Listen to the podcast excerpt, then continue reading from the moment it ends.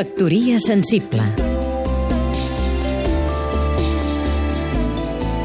Francesc Canosa, periodista i escriptor Aquesta és la història d'un home que va morint per la llengua. Cada cop en té menys. Se li esmicole. Va parlant, vol parlar, però se li acaba el temps. S'ha de morir. Ell i també la seva llengua. Un home que es quedarà sense explicació. És la ficció, però és la realitat. És el llibre dels finals, la novel·la que ha publicat Club Editor amb traducció de Joan Lluís Lluís. Darrere d'aquesta mort en càmera lenta, l'escriptor, Joan Bodon, l'home que va néixer a un petit llogarret d'Occitània. Bodon és l'home de la novel·la, el que veu que un món s'acabe, el que sent que se li escurça la llengua. Escriu en occità, llengua d'epidèmia, llengua de camp minat de mortaldats, llengua de cementiri.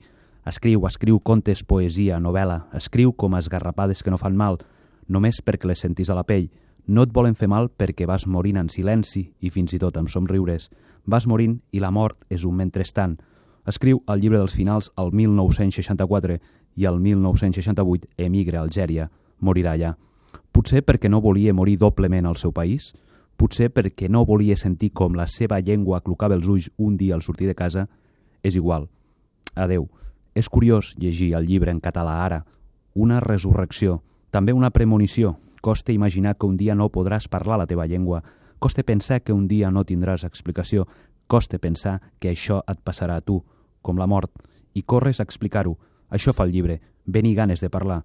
Potser Bodon i el seu llibre són el testimoniatge d'un fantasma, però a vegades hi ha més vida en l'ombra que no en la llum. Factoria sensible Seguim-nos també a catradio.cat